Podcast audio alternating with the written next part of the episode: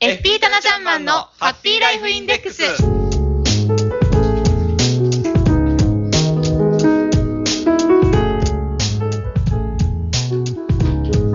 FP タナちゃんマンのハッピーライフインデックス。この時間はあなたの夢と未来をトータルサポートするライフサポート有限会社の提供でお送りします。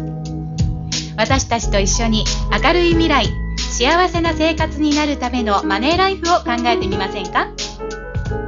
この番組ではあなたからの疑問質問も受け付けています。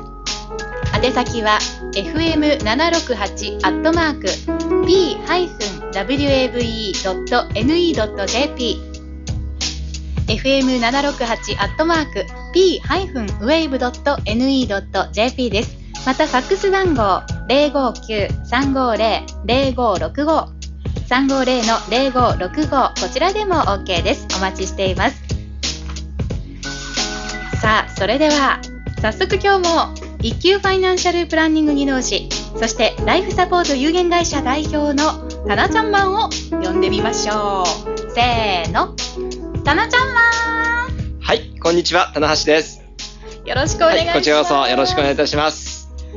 タナちゃんマンのハッピーライフインデックス、はい10月からリニューアルして、はい、はい、今日木曜日の新しくなりまして放送していきたいと思います。この夕方の時間にちょっとね、はい、少しになりましたもんね。はい、それに伴ってちょっとバックミュージックも変わりまして、ちょっとしっとりした感じで、ちょっと大人な大人っぽい感じになってますけれどもね。ねはい。たなちゃんも今日なんとなくいつもよりもあのヘアスタイルがちょっとこう大人な感じがしたんですけど。そうですか。はい。そうですね。オートバイで今日来たもんですからね、ヘルメットをかぶってきたもんですから、天気減ったころやっちゃいました。いやいやいや、なんかあの、はい、今日あの、いつもね、こう、ふふわっとした感じだったので、ね、今日あの、はい、ピシッてなっていたので、ちょっと分け髪になってたので、あ、なんかちょっと今日違う、秋モードとか思ってたんですよ。そんなわけじゃありません。はい。はい。よろしくお願いいたします。はい、こちらこそよろしくお願いいたします。さあ、毎週木曜日のこの夕方4時40分からに移動になりました、ハッピーライフインデックス。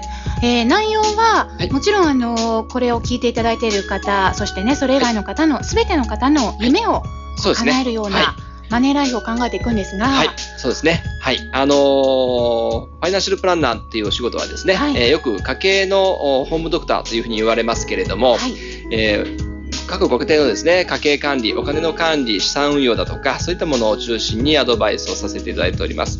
はい、それはどう、何のために、え家計管理をしなくちゃいけないのかっていうとですね、やはり長い将来、えにわたってですね、え確実な生活をして、え営んでいくためなんですが、確実な生活生活って言ってもね、あのー、ケチケチ生活はね、そうですね、曖昧ですし、ケチケチ生活っていうイメージがね、こう、ついてくると思うんですね。そうですね。節約倹約というとそういうイメージがありますが。そうですね、ね、よくマネー雑誌だとか女性誌ではねそのファイナンシャルプランナー取り上げられてますけれどもああいう記事を読んでますとね本当にそのケチケチ生活っていうのがね中心に取り上げられてるんですけれども、さあ果たしてそのケチケチ生活をしてお金を持ったとしても、楽しいんだろうかっていうふうに私は思うんですよね。確かになんか我慢をしなきゃいけないそうですよね。っていうイメージだけがそうですよね。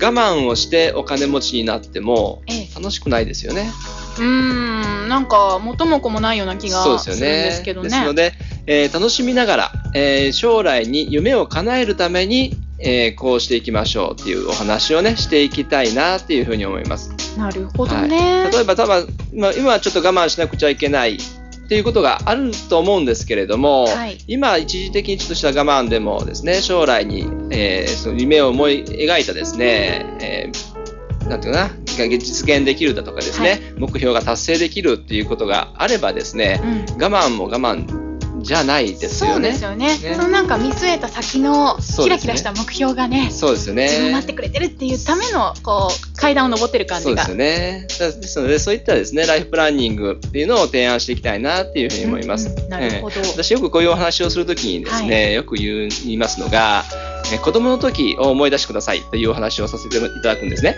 子供の頃。はい。子供の頃、私たちの子供の頃っていうのは、なかなかこう、物を買ってもらえない時代でしたよね。で、えー、欲しいおもちゃがあってもなかなか買ってもらえない。はい、欲しいものがあれば一生懸命ですね、お小遣いを貯めて、えー、買ったもんですが、その時って、あれが欲しいって思えば思うほど、お金って結構貯まったじゃないですか。そうかも。なんか我慢って感じではなくて、ね、楽しみの方が大きかったそうですよね。そうですね。だから、それが達成できるまで確かに我慢してるんですけど、はい、それが我慢じゃ我慢ではなくて、楽しみなんですよね。それが達成できる。だんだんこう、目標が近づいてきますから、それがすごく楽しかったですよね。はい。うん。だからそういったですね、楽しみを持ちながら、あ豊かな生活をしていくためにっていうような提案がしていければなっていうふうに思いますね。なるほど。はい、具体的にはどういう感じね、そうですね。やはりその夢を持ってくださいってよく私は言うんですよ。だから夢っていうとなかなかこう分かりにくいんですけれども、まあ目標ですよね。だから何年後にこう海外旅行行きたいとかですね、はい、そういったもう本当に遊びでいいと思うんですよね。うん、で、えー、そういった夢を持ってくださいっていうふうにお話をしています。ただですね、私、最近お話ししてるとよく、相談者からですね、言われることがあるんですけれども、はい、海外旅行だとか、車を買ったりとか、ローンで買えるじゃないですかって言われるんですね。まあ、なんか手っ取り早いと言ったら変ですけども、そうですね、一番こうイメージとしてローンが手をつけやすい感じがしますね。すねそれは夢の先取りって私は言ってるんですよ。夢の先取り。はい。夢取りを先取りをしちゃうとですね、はい、もう先に満足終わっちゃうんですよね。それこそ我慢の生活が続いてしまうんですよ。ローンを返済してる間は。我慢だけが後に残る。そうですね。うん、ですので、楽しくないですよね。物質的な豊かさ、物質的な満足っていうのは本当に一瞬で終わっちゃうんですよね。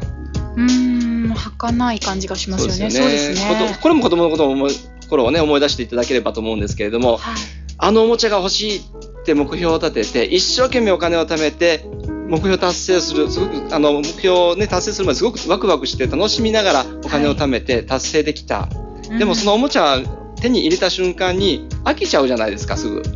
なんかそれまでのワクワク感が、ちょっとした時間だけで消えてしまったような気がしますね。そうですね。あの、ワクワクして一生懸命お金を貯めたあの努力がどこ行ったんだっていうぐらい、もう違うおもちゃに走っ次のちゃいますよね。そうですね。同じなんですよね。大人もローンで買っちゃったら、楽しんだその一瞬だけでローンが残っちゃう。うん、そうすると苦しい生活になるんですよね。それと、簡単に夢が手に入っちゃいますので、はい、止めどなく行ってしまいます。それがローン地獄っていうね。次の欲しいものとか、ね、次の新しいものっていう方に。そうなんですよね。えー、そうなってしまいますので、夢の先取り、まあ、計画をした上での夢の先取りは、ね、あのいいんでしょうけれども、例えば、はい、住宅なんかはね、ローンを組まないと買えるものではありませんから、はい、決して悪いものとは言いませんけれども、計画をした上でやっていく必要があるのかなというふうに思います。なるほど。はい。はいそう考えると、あのお金をこう計画的に貯めていってから、はい、夢をそうですね。叶えたり、はい、もう基本的にはやっぱりそうですよね。基本ですね、はい、よくよく考えたそうですね。それは何かというとライフプランニングっていう言葉に総称されると思うんですね。はい。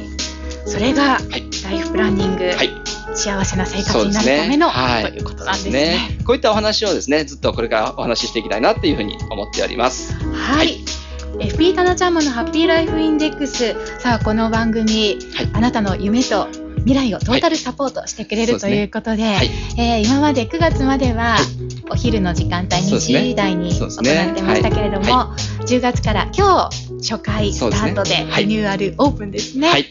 夕方の4時40分からの約10分間の番組となります。毎週、タナちゃんマンがい。ろいろなマネーに関したり、あとは将来の目標に関する、ね、目標の立て方だとかですね、うん、まあ、心豊かにですね、送るための準備ですね、はい、お話をしていきたいと思います。はい、はい、あなたからのこういったことを取り上げてほしいという意見もね、はい、そうですね、ぜひおいただきたいですね。はい。はい、それにもあの本当に親切に優しく教えてくれますので、でね、できる限りはい解説していきたいと思います。はい。さあそしてまたあのライフサポート有限会社こちら四日市市内、はい、生桑町にありますので、はい、こちらも直接、ねはい、具体的なお越しいただければと思います。はい。相談に訪れてください、そして、えー、ライフサポート有限会社のホームページこちらもぜひ訪れてください、えー、こちらはタナちゃんマンと。そうですね。はい。タナちゃんマンで検索いただければすぐヒットすると思います。はい。ちゃんだけ、えー、ひらがなですると早いですよね。はい、はい、さあ FP タナちゃんマンのハッピーライフインデックス。この時間はあなたの夢と未来をトータルサポートするライフサポート有限会社の提供で FM ポートウェーブ第一スタジオよりお送りしましたまた来週この時間にお会いしましょう、はい、はい、お願いいたします。ありがとうございました、はい、失礼いたします。バイバイ